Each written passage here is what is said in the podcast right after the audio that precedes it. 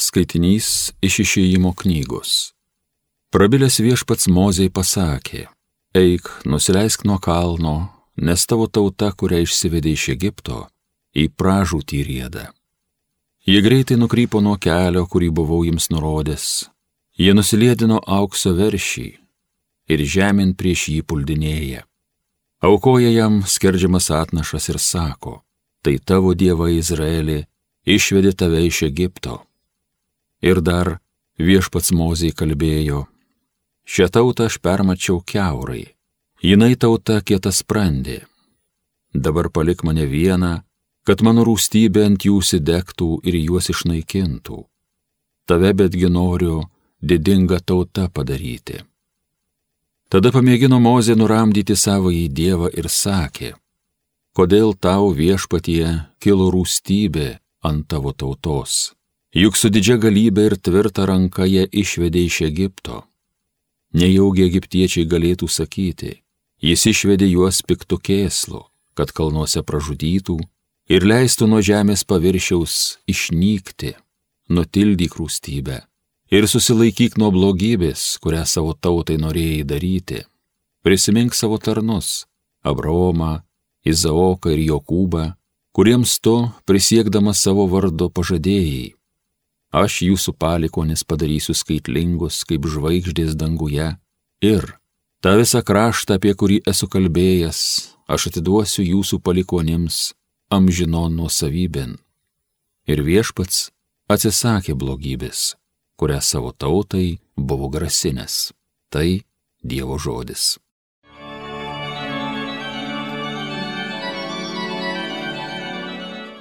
Atsiminkimus viešpatie, mylėdamas tautą. Horebe veršyje pasidirbo, garbino stabą auksinį ir užuot šlovinę Dievą lenkėsi galvijų įžolėdžiam. Atsiminkimus viešpatie, mylėdamas tautą. Gelbėtoje Dievas užmiršo, kuris Egipte didžius daiktus jiems darė, Hamo šaly tiek stebuklų, tiek širpulingų daiktų, ties raudonąją jūrą atsiminkimus viešpatie, mylėdamas tautą. Dievas juos būtų jau sunaikinęs, jeigu ne Mozė, jojo rinktinis, jis juos užstojo prieš Dievą, kad jo rūstybė jų nenusiauptų. Atsiminkimus viešpatie, mylėdamas tautą. Šlovėtau Kristau, amžinosios garbės karaliau. Dievas taip pamilo pasaulį, jog atidavė savo vienatinį sūnų. Kiekvienas, kuris jį tiki, turi amžinąjį gyvenimą. Šlovėtau Kristau, amžinosios garbės karaliau. Iš Šventojios Evangelijos pagal Joną. Jėzus žydam atsakė, jei tik aš pats apie save liudyčiau, mano liudimas nebūtų tikras, bet apie mane liudyja kitas, ir aš žinau jo liūdėjimą apie mane esant tikrą. Jūs buvote nusiuntę pasiuntinus pas Joną ir jūs paliudėjo tiesą. Aš nesigrėbiu žmogaus liūdėjimo, bet šitai kalbu tam, kad jūs būtumėte išgelbėti. Jonas buvo degantis ir spindintis šiburys, tačiau jūs panorėjote tik valandėlę jo šviesą pasidžiaugti. Aš turiu aukštesnį liūdimą negu Jono. Tie darbai, kuriuos man skiria nuveikti tėvas, patys darbai, kuriuos aš darau, liūdė apie mane, kad mane yra siuntęs tėvas. Taip, mane pasiuntęs tėvas paliūdė apie mane, bet jūs niekad nesate girdėję jo balso, neregėjo jo veido ir jo žodis jumise nesilaiko, nes jūs netikite tuo, kurį jis yra siuntęs. Jūs trinėjate raštus, nes manote juose rasę amžinai gyvenimą. Tie raštai tikrai liūdė už mane, bet jūs nenorite ateiti pas mane kad turėtumėte gyvenimą. Garbės iš žmonių aš nepriimu. Aš matau, kad jūs neturite savy Dievo meilės. Aš atėjau savo tėvo vardu, o jūs manęs nepriimate. Jei kitas ateitų savojų vardu, tą jūs priimtumėte. Kaip jūs galite įtikėti, jeigu vienas iš kito primate garbę, o tos garbės, kurie iš vieno Dievo ateina, jūs neieškote. Nemanykite, kad aš jūs kaltinsiu tėvui. Jūsų kaltintojas yra Mosė, į kurį esate savo viltis sudėję. Jeigu jūs tikėtumėte Mose, tai tikėtumėte ir manimi, nes jis rašė apie mane. kadangi jūs netikite jo raštais, kaipgi patikėsite mano žodžiais.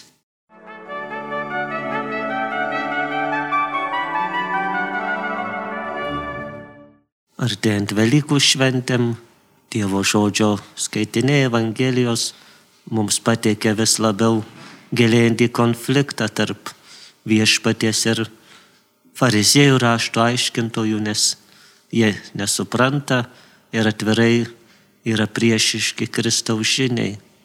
Šiandien viešpat sako, kad štai jūs tyrinėjate raštus, gilinatės į Seno testamento knygas, kalbate apie Mosę, apie, apie jo reikšmę, tačiau tai, ką Mosė skelbė apie Mesiją, tai, ką visas šventasis raštas rašė apie ateinantį gelbėtoją, jūs neprimate.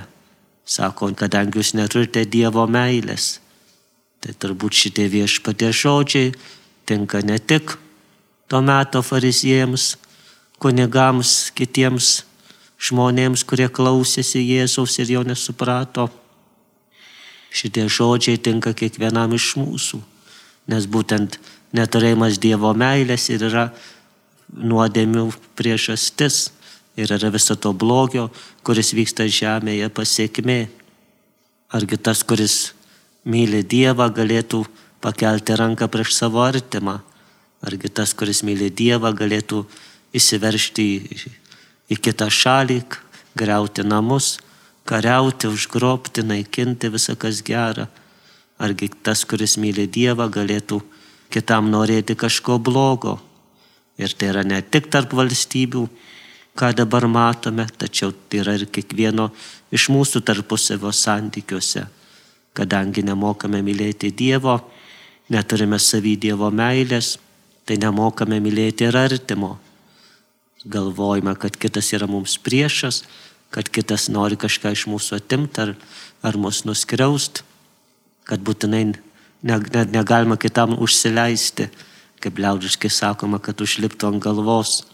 Todėl ir, ir konfliktus turime, ir, ir pykstame, ir pavydime, ir nesikalbame, ir apkalbame, ir šmeišime, vien dėl to, kad mūsų širdyse neužsilaiko Dievo meilė. Šiandien viešpas mus ragina, mus moko matyti tuos darbus, kurie vyksta pasaulyje. Kaip sako, medį atpažins iš vaisių. Fariziejai ir, ir mene, kurie Jėzaus neklausė, nematė ir nesuprato, kad tie Jėzaus darbai, kuriuos jisai daro, ar ligonių gydimas, ar demonų išvarimas, liūdėjo, kad jis yra Dievo sūnus. Jie mane, kad jis apsišaukėlis, kad, kad ieško savo garbės, kad viską daro sakytume, velnio padedamas. Taip ir mes dažnai ne, nematome, kad kas yra kas, tad tikrai prašykime tos išminties dvasios, kad mokėtume atskirti pelus nuo grūdų, kad kaip medį atpažįstame iš vaisių, taip ir žmogų atpažintume iš jo darbų. Ne tai, ką jisai kalba, ne tai, kaip atrodo, tačiau kaip jisai elgesi. Prašykime, kad ir mes patys nebūtume papiktinamas kitiems, kad tikrai matydami kiti mūsų elgesį, mūsų nusiteikimą, tikrai mumise atpažintų Dievo meilę ir Dievo veikimą. Šios likusios savaitės iki Velykų tegul būna tikrai tas, tas troškimas, kad mano širdyje būtų Dievo meilė, kad nebūčiau kaip tas keu, keurasamtis, į kurį spėlė vandenį ir kur viskas išbėga, bet kad būtume tie indai, kurie sulaiko Dievo malonę, kurie sulaiko Dievo meilę, kad paskui galėtų dalinti kitiem.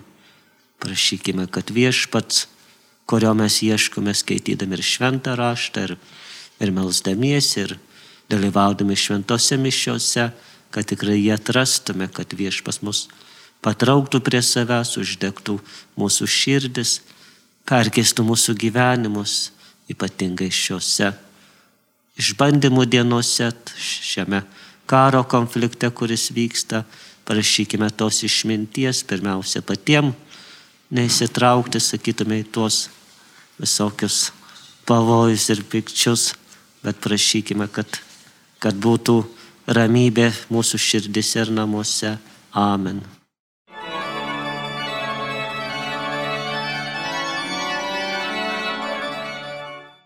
Homilija sakė kunigas Robertas Urbonavičius.